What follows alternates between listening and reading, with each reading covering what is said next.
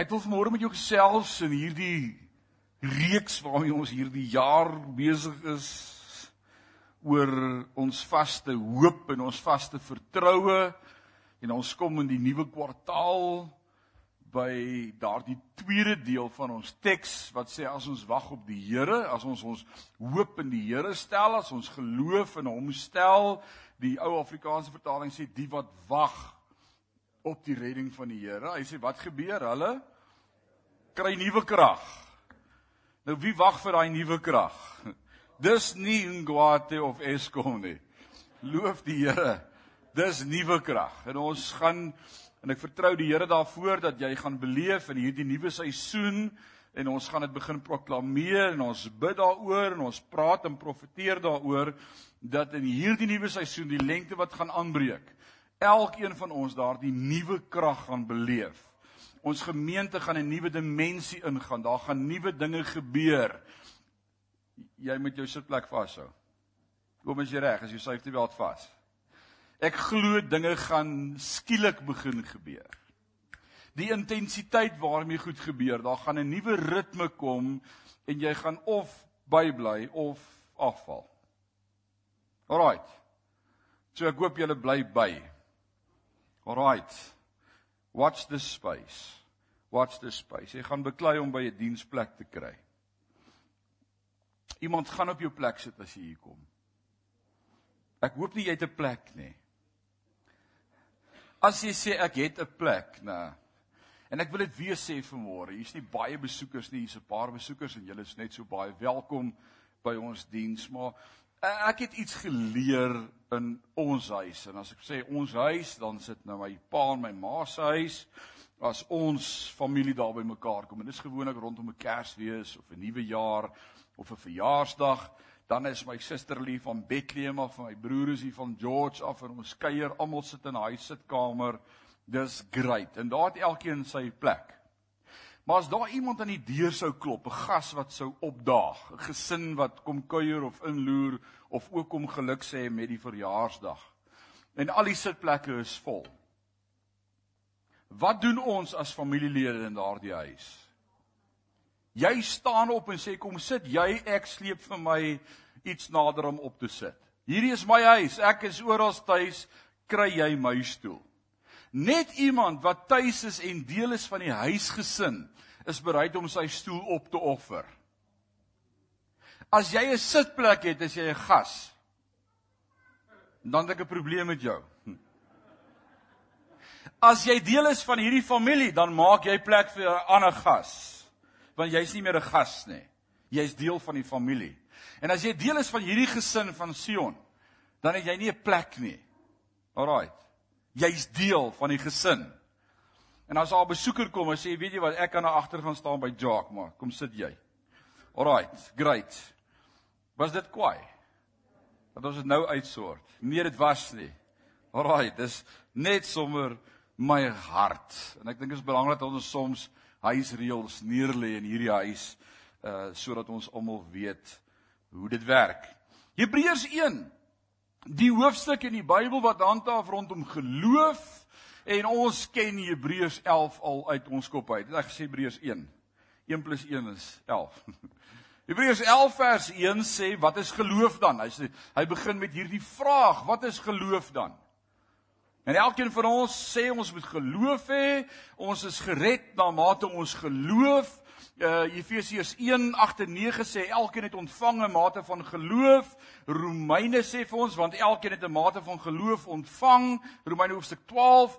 Ons het geloof. Jy het geloof. Al geloof en geloof in wie en geloof in wat? En geloof waarvoor? Dis 'n goeie vraag. Want ons sê baie keer goed soos maar ek het dan so geglo dat dit sou gebeur. Ek was so vas oor verseker daarvan dat dit in plek sou val. Ek het so geglo dat God sou genees. Is dit geloof of is geloof se hart 'n vaste vertroue op hom dat hy God is? Dis wat Hebreërs 11 vers 1 vir my sê, geloof dan is 'n vaste vertroue op die dinge wat ons hoop, 'n bewys van die dinge wat ons nog nie kan sien nie. Nou wie's dit? Hebreërs 11 vers 6 help my daarmee. Want hy wat tot God gaan, moet wat glo? Moet glo dat hy alles vir jou gaan gee wat jy wil hê. Wat sê hy? Hebreërs 11 sê sê want hy wat tot God gaan moet glo dat hy is So die essensie van alles wat ons hiermee getoets word en beproef word in ons geloof is glo jy regtig God is God. That's the essence of all things being tested in our life is do you truly believe that God is and he does what we trust him for. Die essensie is dat God is. En totdat ek en jy nie op daardie plek kom in ons lewe waar ons onvoorwaardelik kan verklaar ten spyte van te midde van in al hierdie omstandighede God is God. En kom ek om, dan kom ek om, maar hy bly God. En sy godheid word nie bepaal deur wat hy vir my doen nie, maar hy is God. As jy nie ons Sion oordeenkings in die oggende ontvang nie, en ons het aan die begin van lockdown 2020 einde April toe daardie eerste 21 dae aangekondig is, toe hierdie braaitspaak van hulle sel hierdie great voorstel om net vir die volgende 21 dae 'n dagstukkie uit te stuur om die gemeente bymekaar te hou. Want ons kon nie kerk toe kom en hulle vir 3 weke was daar geen geen samekomste nie, geen dienste nie. Ek het toe geluister vir haar. Dis 2 jaar en 3 maande later en ons stuur nog elke dag 'n dagstukkie uit. Ek het haar al verwens en gebless en gebless. En hoe meer ek haar bless, hoe meer idees kom sy mee vorendag. Maar elke dag, elke oggend 5 voor 5. Lee, waar's Lee? Sy nie hier vanmôre nie. Ons moet tog bietjie vir haar op 'n kans laat staan. Sy het bietjie die naweek af. Maar elke oggend 5 voor 5 stuur Lee 'n dagstukkie uit wat ons die vorige dag opgeneem het om jou te bless, om jou te bemoedig. Wie van julle kry almal die dagstukkies? Laat ek net die hande sien. Great. As jy dit nie kry of deel is daarvan nie en jy wil dit hê, WhatsApp vir my of WhatsApp vir hulself of die kerkkantoor foon of vir Jacques of Sean of Grant enige een van ons en ons gaan jou op die groep bysit. Daar is regtig letterlik duisende wat elke oggend saam met ons groei in die woord. En die afgelope 2 weke, en hoekom ek dit sê vanmôre is vir die afgelope 2 weke het die Here ons gelei om te praat oor Habakuk. Die lewe van Habakuk. Sy siening, sy manier van dink, sy redeneer met God, sy omstandighede, die toets waardeur hy gegaan het. En ek wil graag vanmôre hierdie 2 weke se oordeenking saamvat deur met jou te praat uit die boek Habakuk uit. So as jy die Bybel hier het, blaai saam met my na Habakuk hoofstuk 1 en ons gaan vanmôre 'n paar verse uit hierdie kosbare verhaal van hierdie klein profeet Habakuk vanmôre met mekaar deel by hierdie diens. Habakuk 1 en ek gaan lees vanaf vers 1. Die boodskap wat die profeet Habakuk in 'n visioen ontvang het. Here, hoe lank moet ek nog roep om hulp? U luister nie na my nie. Kan ek net vra op hierdie stadium? Wie dit al beleef in sy lewe dat jy vir God sê ek praat en ek praat maar u luister nie na my nie. Kan ek net die hande sien? Jy kan jy moet eerlik wees vanmôre in die kerk, né? Jy onthou wat met Ananias en Safira gebeur het. Toe hulle waag om te jok. Ons het al almal Nou help ek jou want jy dog dis net jy wat daarmee sukkel. Ons het al almal in ons lewe beleef Ons bid, maar God antwoord nie. Ek vra, maar ek weet nie of God luister nie. Ons almal het al, Habakuk deel daarmee. Hy sê, "Hoe lank moet ek nog roep om hulp?" U luister nie na my nie. Geweld. Roep ek baie hard. Maar u red my nie. Waarom laat u my die onreg en die lende om my sien? Waar ek ook al kyk, sien ek vernietiging en geweld. Ek is omring deur mense wat daarvan hou om te stry en te beklei. Wie kan sê amen? Dis die wêreld waarin ons nog steeds leef. Ons is omring deur 'n wêreld wat daarvan hou om te stry en te beklei. Die wet het sy krag verloor en is onbruikbaar. Amen. Regseefuur ook nie in die howe nie. Klink dit asof die boek vir vandag geskryf is? Kan jy dit nou glo? Daar is baie meer goddelose mense as die wat reg doen. En daarom is die reguitsprake verdraaid. Nou die Here het geantwoord sê vers 5. Kyk na die nasies en staan verbaas o Habakuk. Let op en staan verstom en doen iets in jou leeftyd. Ek doen iets in jou leeftyd, iets wat jy nie sou glo as iemand anders jou dit vertel nie. Ek laat toe dat die Galdeërs 'n nuwe wêreld mag word. Hulle is wreed en gewelddadig. 'n Nasie wat die wêreld deurkruis om ander se woonplekke af te neem. Jy kan by Galdeërs inskryf wat jy wil daar, hoor. Hulle is bekend vir hulle verskriklike wreedheid. Hulle doen net wat hulle wil en niemand kan hulle keer nie. Hulle perde is vinniger as luiperds. Hulle is vuurige mense, erger as wolwe teens skemeraand. Soos arende duik hulle neer op hulle prooi met 'n beer vorentoe gereed vir geweld. Hulle leers kom aangestorm soos 'n wind uit die woestyn. Hulle versamel krygsgevangenes soos sand. Hulle maak 'n bespotting van konings en lagregeerders uit. Al die vestings minag hulle. Teen die mure stapel hulle grondwalle op en neem die vesting in. Hulle swiep verby soos die wind en verdwyn. Maar hulle skuldig. Hulle veraf God hulle eie krag. Dit's 'n fenominale stuk uit die woord. Habakuk deel met die onreg van die dag en die geweld van hierdie nasies wat die wêreld inneem en plunder en steel en afbreek en en die ongeregtigheid in die howe en en dat daar geen goedheid meer is nie. Maar dit is nie iets unieks tot ons omstandighede nie. Maar wat sê God? Wat sê God hiervan? Wat het God te sê in dit? Want ons word nêrens in die Bybel beloof dat ons as kinders van God sonder probleme sal lewe nie. Gee my daai een teks asseblief. Nêrens in die Bybel garandeer God ons vir een oomblik dat daar nie probleme in ons lewe gaan wees nie. Nee. Maar hy sê al oorweldig die vuur en die vloed jou, ek is met jou.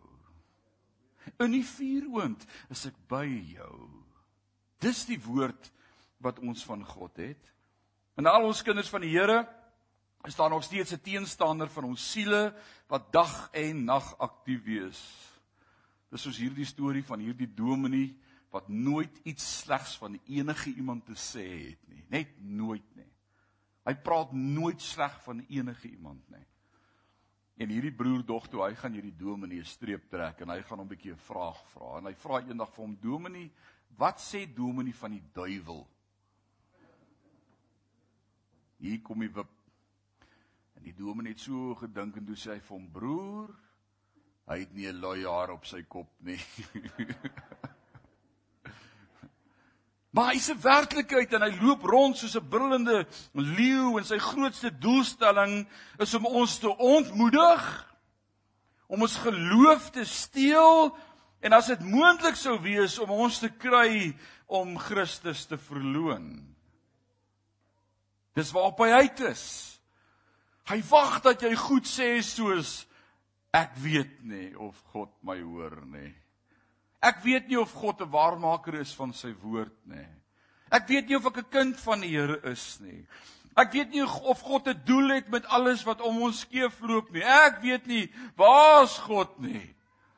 In hierdie afgelope 2 jaar het die duiwel telke male geglimlag oor al die uitlatings wat ons so maklik gemaak het rondom ons situasie. So was dit met die profeet Habakuk geweest. Hy het op 'n plek in sy lewe gekom waar dinge net nie meer vir hom wou sin maak nie, selfs waarom God sekere dinge toegelaat het. Hy het tot God gebid en het gevoel asof God nie eers na hom luister nie. Jy al gebid en tyd probeer spandeer met die Here en opgestaan van jou knieë af en gevoel ek weet nie eers of God dit gehoor het nie dat jy God net nie beleef nie, dat jy hom net nie ervaar nie. As jy hom nog ervaar het, sou dit oukei okay wees, maar soms voel God ver. En dit voel en iemand sê nou die dag weer vir my dit voel of ek teen die plafon vas bid. Sê ek vir hom gaan bid buitekant. Hoor mooi. Nie gaan bid buite omdat daar nie 'n plafon is nie, maar om jou te help om in jou emosie op te hou om barriers vir God daar te sit. Dit voel of hy teen die dak vasbid. Want as jy buite bid, dan weet jy jou stem het tot God gegaan. Hy het gehoor, al voel dit nie so nie. Vandaar Habakuk se benoudheid in sy hart as hy in vers 2 sê: "Hoe lank, Here, roep ek al om hulp, maar U hoor nie. Skree ek, maar U antwoord nie. Nou kom ons sê net vir mekaar gou-gou dit in hindsight, né? As ons nou terugkyk na hierdie verhaal, is hierdie stelling wat Habakuk maak in vers 2 die waarheid? Het God nie gehoor nie? God het gehoor. Antwoord God nie. Hy doen juis met dit wat besig is om te gebeur want ons God is altyd in beheer. Of jy dit nou like of nie, sorry vir jou. Maar God het altyd 'n plan. Selfs wanneer dit lyk asof die duiwel los is en alles skeefloop, het God 'n plan. Ongelukkig vir die ongelukkig vir die profeet was dit maar die begin van sy probleme.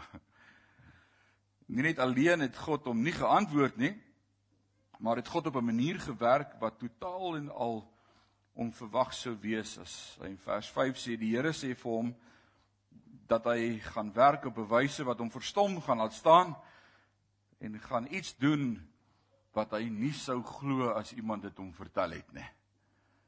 Nou as iemand 2 jaar terug vir my vertel het waartoe ons is, het ek dit nie geglo nie. As iemand vir my sou sê daar gaan 'n tyd kom wat die kerk gesluit is en niemand by die kerk gaan wees nie en ouens by hulle huise sit en eers wil dorp toe gaan en ek gesê jy verstaan nie, jy ken nie hierdie boere nie. Uh Waar gaan jy dit regkry? En tog het ons almal dit beleef. So hoe raak hierdie verhaal vanmôre vir my en wat kan ek daarmee doen om saam met my te vat vanmôre om my te help?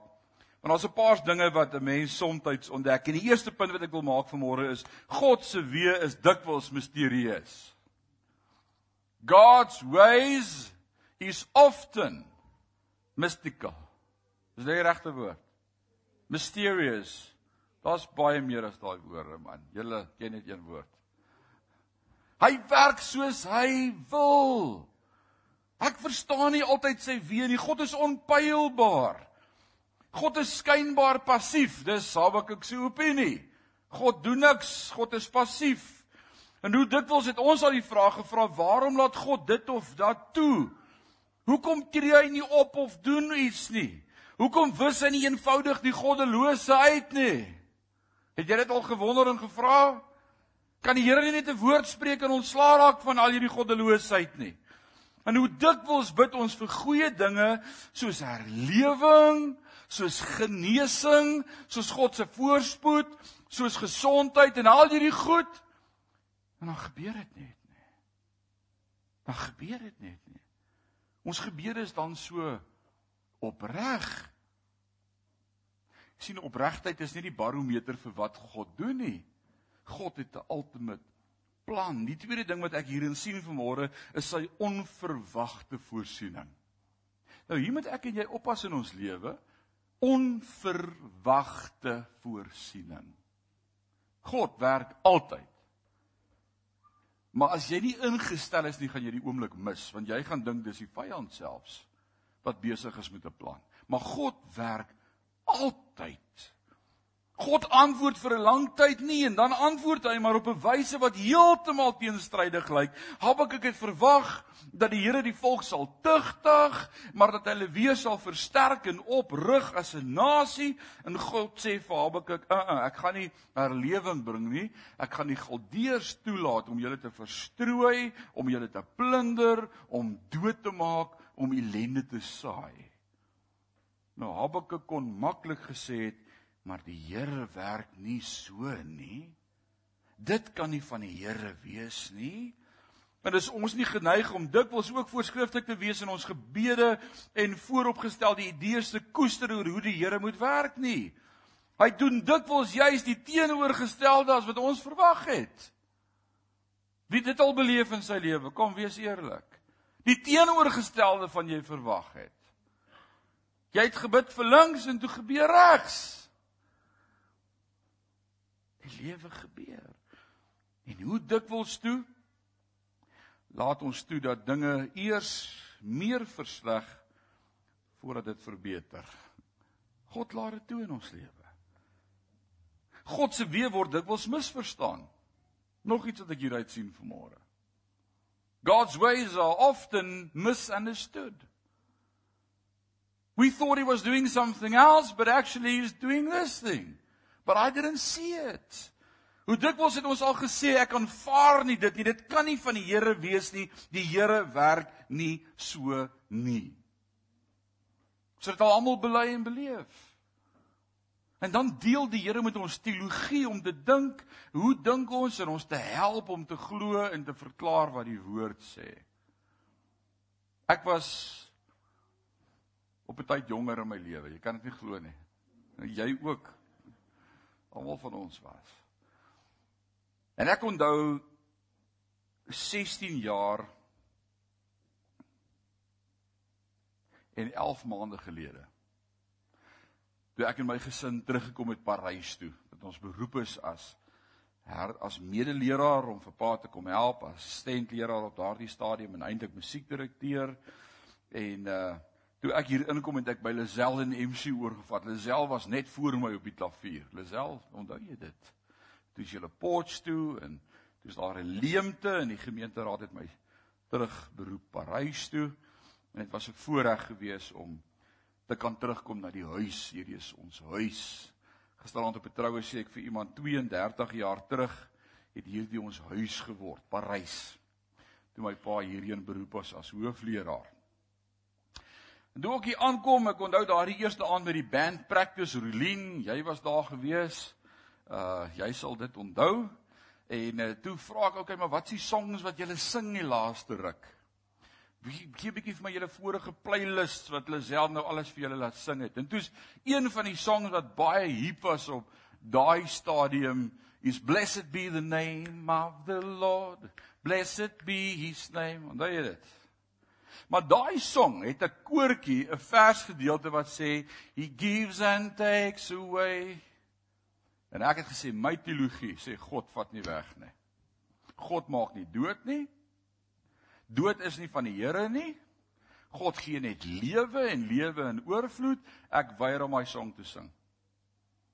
Ek weier, Samir, stuur vier voete vas. Daai week of 2 of 3 gaan verby, my pa sê vir my, "Wanneer sing ons weer daai koortjie? Dis die gemeente se koortjie." Ek sê, "Kry vir hulle self dat sy dit kom speel." Ek glo dit nie. My teologie glo God gee net lewe. Hy is net 'n goeie God, net goeie goed kom van die Vader af. Hy kan nie sleg doen nie. Hy maak nie dood nie. Ek weier om dit te verklaar. God toets jou teologie. En dan sê hy vir jou soms, is dit dink jy my godheid is beperk tot net jou verstaan van my of is ons verstaan maar so ou druppel in die emmer van wie God is? Ek onthou Januarie 2008 was 'n Saterdagoggend. Ons het hier in van der Hoofenstraat gebly en daai oggend toe lê my foon en is my groot kosbare broer en vriend Herman Marx. Was op ons gemeenteraad gewees en ek was so standaard 6 laaitie toe ons in Ermelo was en Herman was daar op die kerkraad hy en Ronel en toe trek hulle Parys toe en 'n jaar later toe kom ons Parys toe en vakansietye as die klok lui Vrydagmiddag 10uur vir vakansie dan staan Herman se bakkie daar dan laai hy my op en ons gaan haal my tasse by die huis en ek ry saam met hom uit plaas toe man ek het hy het my geleer boer Hy het my leer kar bestuur en bakkie bestuur en trok bestuur en trekker en stroop en plant. Ek het 'n liefde ontwikkel vir die boerelewe, vir plaas. En ek onthou die eerste vakansie wat ek by hom was op die plaas, was dit 'n somersvakansie gewees en dan staan ons 05:30 op. 5uur drink ons koffie en dan is ons uit. Man, is lekker. En toe gaan ek vir die wintervakansie plaas toe, maar ek weet mos nou al hoe werk dit op die plaas. So 05:30 toe's ek op en aangetrek en dit is pikdonker en ek maak koffie en Herman kom nie. En dit is dader aan 10 oor 5 en Herman kom nie en ek dog ek moet die broer loop haal uit verslaap. En ek staan in die gang af by die kamer, hou dit pik donker, ek hoor hier's 'n gesnork, hier's 'n beer hier binne in hierdie kamer. Nou klop ek aan die deur. Huh? Ek sê jy's laat, kom, hier's koffie. Hy sê dis winter. In die winter staan ons hier 6 uur op. so het ek geleer groot vriend van my. Mentor, broer. En daai Saterdagoggend toe bel Herman my en hy sê ons is hier onder in Helwick. Ons het uh oeskattings gedoen. Hy vlieg saam met die pilot met die vliegtuig en hulle doen oeskattings en beplanning vir die regering. En ek uh, sien jou môre by die kerk is op pad Parys toe. Ek sê great. So 2 ure later toe bel my pa my. Sê seun, Jy gehoor van Herman? Ek sê ja, ek het net nou met hom gepraat, gaan met hom goed. Sien hom môre. Hy sê nee seun. Hy's dood. Ek sê ag asseblief. Nou ons ons praat. Hier is nie eers April nie, my pa kom met sulke triks. Ek sê ek het net met hom gepraat. En my pa sê hy's dood. Hulle het opgestyg, hy het my gebel en hy het sy vrou gebel wat by Sun City was saam met die seuns en hulle het opgestyg en toe hulle opstyg toe vlieg die vliegtyg in elektriese krag daar rare vas en die vliegtyg slaan aan die brand en hulle brand uit en Herman is oorlede. Ek weier om dit aanvaar. Dis nie van die Here nie. Die Here werk nie so nie. Kan nie die Here wees nie. Ek weier om dit te aanvaar. En ek struggle ewe skielik persoonlik. Die naaste wat dit nog aan my gekom het oor my manier van dink. God challenge jou teologie, hoor. Oppas wat jy sê jy dink, want God toets dit. En hy kyk of dit water hou en of dit vas staan in jou lewe. As jy sê jy moet altyd gesond wees en 'n kind van die Here is net gesond, gaan jy die dag as jy siek is, struggle, want waar's die Here dan?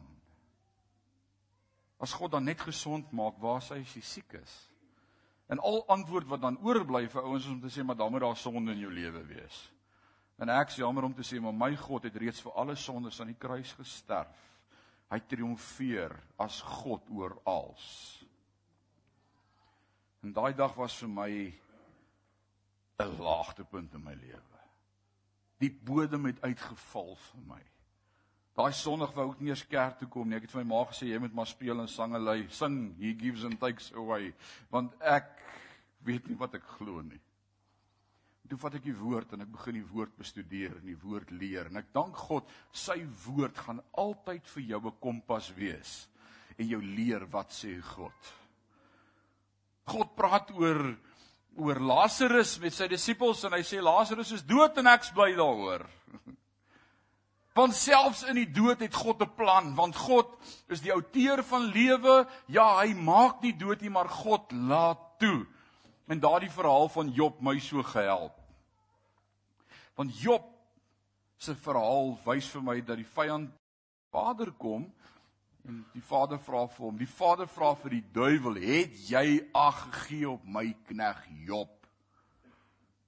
Die duiwel sê ja, maar hy dien nie net oor dit met hom goed gaan. En God sê vir die vyand: "Toets hom, maar jy raak nie aan sy siel nie." Met ander woorde, die vyand kan met my niks doen as God dit nie toelaat nie. Met ander woorde, dit waartoe ek gaan, weet God van en as hy dink ek het nodig om hierdeur te gaan, Here, ek weet ek verstaan dit nie. Maar as u dink ek moet hierdeur gaan, u is 'n goeie God. En ek glo dit en ek bely dit.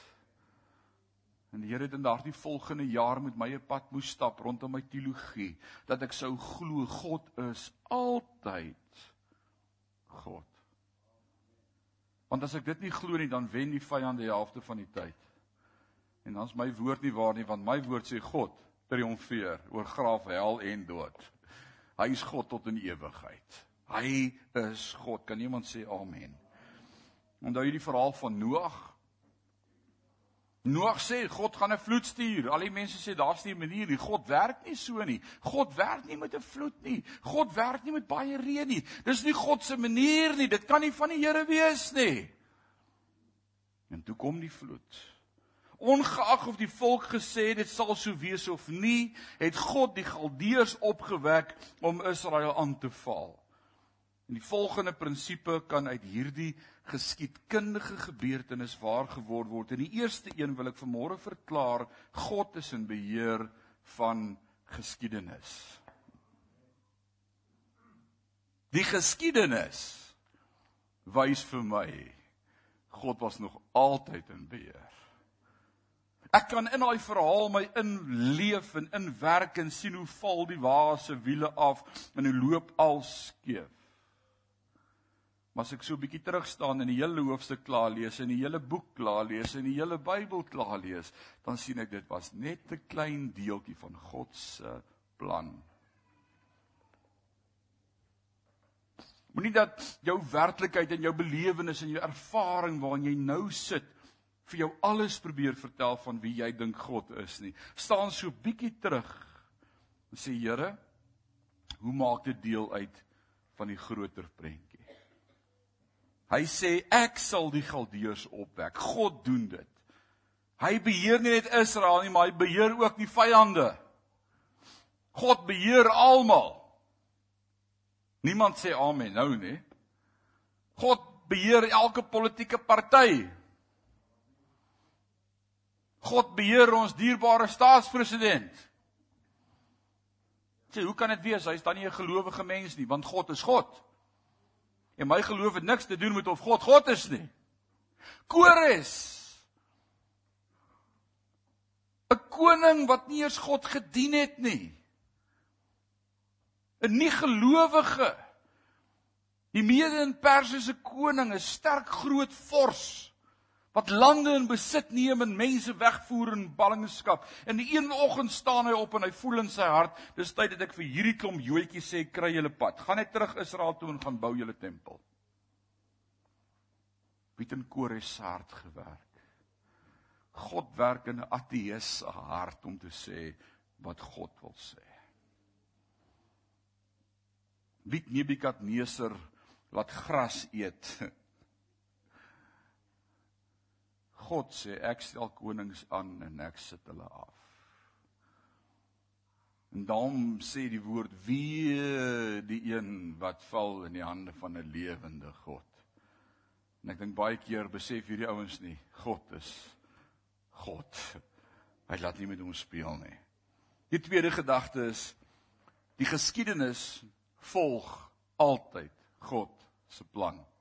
God is in beheer van die geskiedenis maar die geskiedenis volg ook God se plan. Dinge gebeur nie sommer maar net nie. Ja, selfs al sou die duiwel aanval en verwoesting saai, sal God dit sy dienskneg maak en gebruik om sy uiteindelike doel te bereik. Awesome. God het die laaste sê en God is in beheer. Dankie dat julle my dop hou en vir my kyk daar agter, jong manne. Niks sal God se uiteindelike plan frustreer of verhinder nie. Sê saam met my niks. Behalwe nee, niks. Niks sal God se plan in my lewe keer of verhinder nie. Nothing will hinder the plan of God in my life. Nothing can stop the plan of God for my life. God se plan sal gebeur. Maar nou sit jy en nou sê jy maar jy ken nie vanmôre my storie nie. Sit jouself bietjie in my verhaal, dan kom voel jy hoe voel dit om vir so lank vir iets God te vertrou en dit gebeur nie. Ek staan buite jou storie. Ek het my eie stories. Maar ek weet een ding vanmôre uit die woord van God uit. Niks sal God se plan oor jou lewe kan keer nie. En as jy in die proses is, dan kom Jakobus in Jakobus 1 vers 2, 3 en 4 en dis die laaste vers wat jy wil hoor as jy in die toets is, maar dit sê wees bly in die toets. Leer geduld. Leer geduld. Sê saam my geduld. Wie van julle sukkel met geduld? Hmm. Leer om geduldig God te vertrou. God is very slow but never late. Nooit. Nooit. En die derde punt en die laaste punt wat ek vanmôre wil maak is die geskiedenis is gekoppel aan God se plan. Om alles te kan verstaan, moet ons God se plan raak sien. Die feit dat ander nasies in die Ou Testament genoem word. Al hierdie ander nasies wat ons in die Ou Testament van lees, is alleenlik omdat God hulle gebruik om sy plan tot uitvoering te laat kom. Die Etite, die Sodomite, die al die ander ouens. Alles net om God se plan te laat verwesenlik. So die vraag moet dus nie weet hoekom gebeur dit of dat met my nie, maar eerder waar pas dit in in die plan van God vir my? Wat is die doel van hierdie in my lewe? En dis wat ek met die Here oor moet praat. Is Here, ek suffer nou al vir 'n ruk en dit lyk asof die wasie wiele lankal moes afval, maar dit het gelukkig nog nie, maar dit gaan amper afval, Here, maar die Here weet want hy hou my in stand. Nou moet ek eerder vanmôre vra, Here, wat is u plan? Waarheen is u op pad met my? Wat wil u my leer? So kom ons maak klaar vanmôre en ons sluit af. In steede daarvan om te praat en vrae te vra en uitlatings te maak of verklaringe te probeer gee, laat ons luister na wat die Here sê en op die Here wag.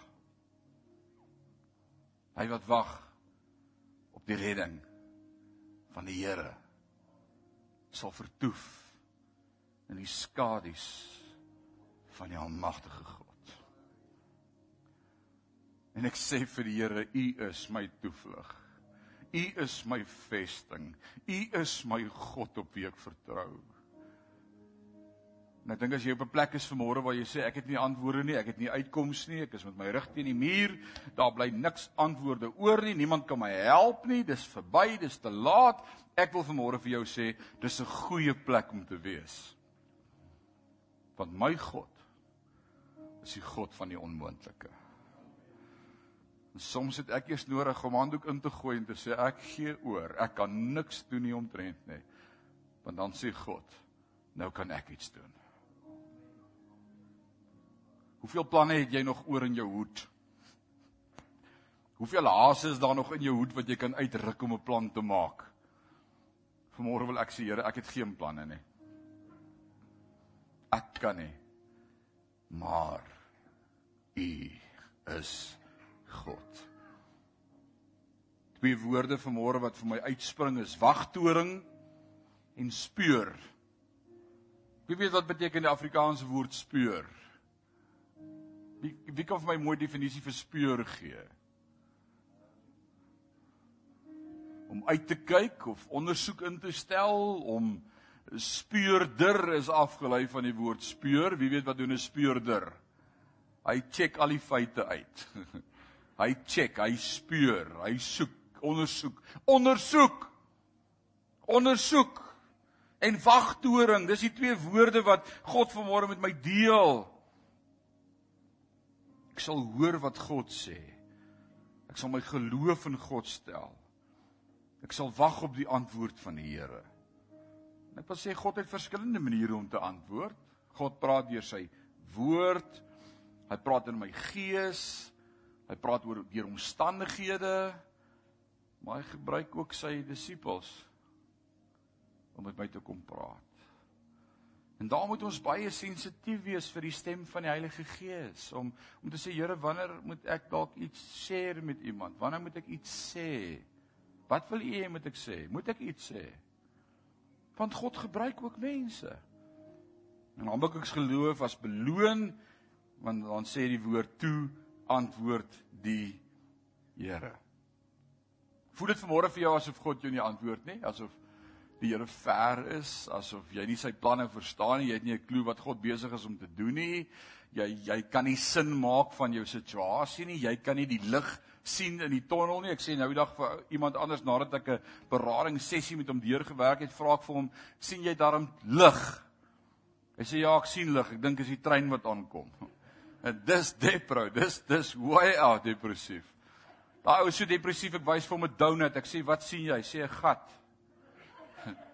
Dis die ultimate van depressief. En dalk sien jy vanmôre net 'n gat. Dalk sien jy net die trein wat aankom. Dalk sien jy net ellende en mislukking en jou lewe is niks werd nie. Ek wil vanmôre vir jou sê, ek sien in jou die potensiaal wat God in jou geplaas het om sy wil te verwesenlik en te laat meewerk ten goeie sodat jy sal sê ek het opgevaar met vleuels soos 'n arend. Hy het my aangedoen met krag sodat God die eer kry. Ek wil vanmôre 'n uitnodiging maak. Ek wil vanmôre saam met jou bid as jy sê voel vir my die emmer se boom het uitgeval. Voel vir my die waase wiele het afgekom. Voel vir my ek ek verstaan nie waar's God in sy plan met my nie. Dan wil ek vanmôre saam met jou bid want ek weet die Here gaan vir jou 'n pad maak. Kom ons kom ons buig die hoofde. Kom ons wees almal bidtend. Kom ons sluit ons oë oomblik, niemand kyk rond nie. Dis net jy en die Here en vanmôre vra jy vir die Here, Here, waar's ek in my verhouding met U? Waar's ek in my vertroue van U? As dit vanmôre jy is, dan wil ek saam met jou bid, dan gaan ek vra staan. Ek gaan vanmôre saam met jou bid. Jy net daar in jou bank, net daar waar jy sit, staan net op. Ek gaan jou nie vorentoe roep nie. Staan net op en sê hier is ek. Voel vir my vanmôre ek verstaan nie God se plan in my lewe nie. Ek saam met jou bid dat jy God se prentjie sal begin sien, sy plan sal sien en sal weet God hou jou vas in die holte van sy hand. Ek wil bid saam met elkeen wat staan wat vanmôre sê ek verstaan nie God se plan nie. Koning Jesus, ek wil vanmôre u naam aanroep het hierdie woord op my hart gelê vir vanmôre en ons het dit bely en gesing en gesê you're a good good father that's who you are maar hier's mense vanmôre wat sukkel om dit te glo en te verstaan. Dis sê maar ek ek kan nie sien dat u die goeie God is nie. Ek beleef nie u goedheid nie. Ek ek sien u nie raak in in in my krisis nie. Ek sien net hierdie donkerte en my benoudheid en dit klink vir my al roep ek na die Here hoor hy nie. Dankie dat u vanmôre antwoord want U is die God wat antwoord. U is onveranderlik, altyd dieselfde. Onsienlik alleen wys. En my gebed vir elkeen wat staan vanmôre is dat U hulle in een oomblik vanmôre sal aanraak in hulle harte. Ja, U gaan nie noodwendig hulle planne vandag verander en hulle lewe verander nie, maar U gaan dat hulle begin raak sien waarmee U besig is in hulle lewe. En U's besig om hulle geloof te toets wat die kosbaarste is vir U. Die woord sê dis kosbaarder as goud en silwer wat gelouter is. Mag ons daardie onwrikbare geloof in U hê te midde van alles wat skeefloop, weet ons ons God is 'n goeie God. En daar's niemand soos ons God nie. Bewys Uself opnuut in hulle lewe as die sterk God, die een wat sien, die een wat hoor, die een wat antwoord die een wat altyd by ons is al die dae van ons lewe ons eer U daarvoor. In Jesus naam en sê ons sê amen en amen